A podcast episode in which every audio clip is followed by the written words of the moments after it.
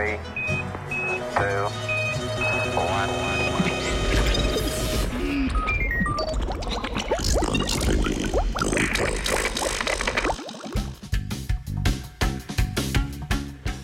Tudi narkolepsija se je pridružila družini avtoimunskih motenj.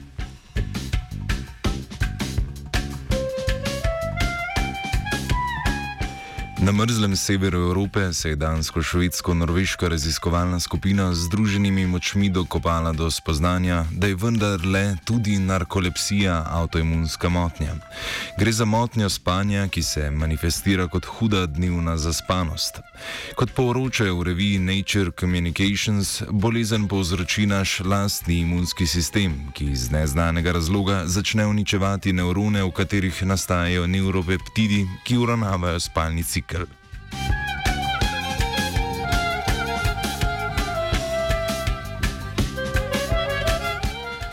Toda še preden zaradi nenadzorovanega celodnevnega zehanja sami sebe postavite strašno diagnozo narkolepsije, dobro napnite ušesa in prisluhnite današnji znanstveni novici. Narkolepsija namreč ni običajna jutranja zaspanost. Zato motnjo spanja stoji trajno porušen ciklus spanja in budnosti.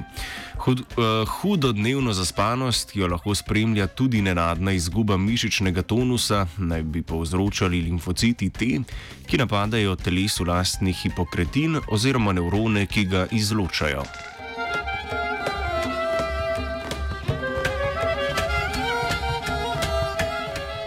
Hipokretin je neuropeptid, ki v zdravih možganih zelo natančno uravnava cikel spanja in budnosti.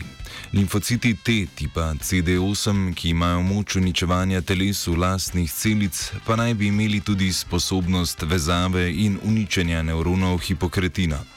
Čeprav že dolgo domnevajo, da je narkolepsija bolezen avtoimunskega izvora, znanstvenice in znanstveniki tega do sedaj še niso uspeli potrditi.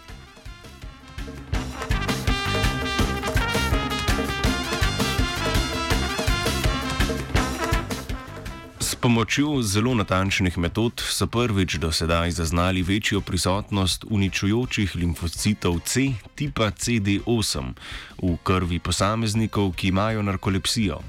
Za bolj natančne rezultate pa bi bilo treba na mesto krvnih vzorcev pridobiti vzorce likvorja ter isto preiskavo upraviti k malu po postavitvi diagnoze, oziroma ko pričakujemo, da je avtoimunski odziv limfocitov T najmočnejši.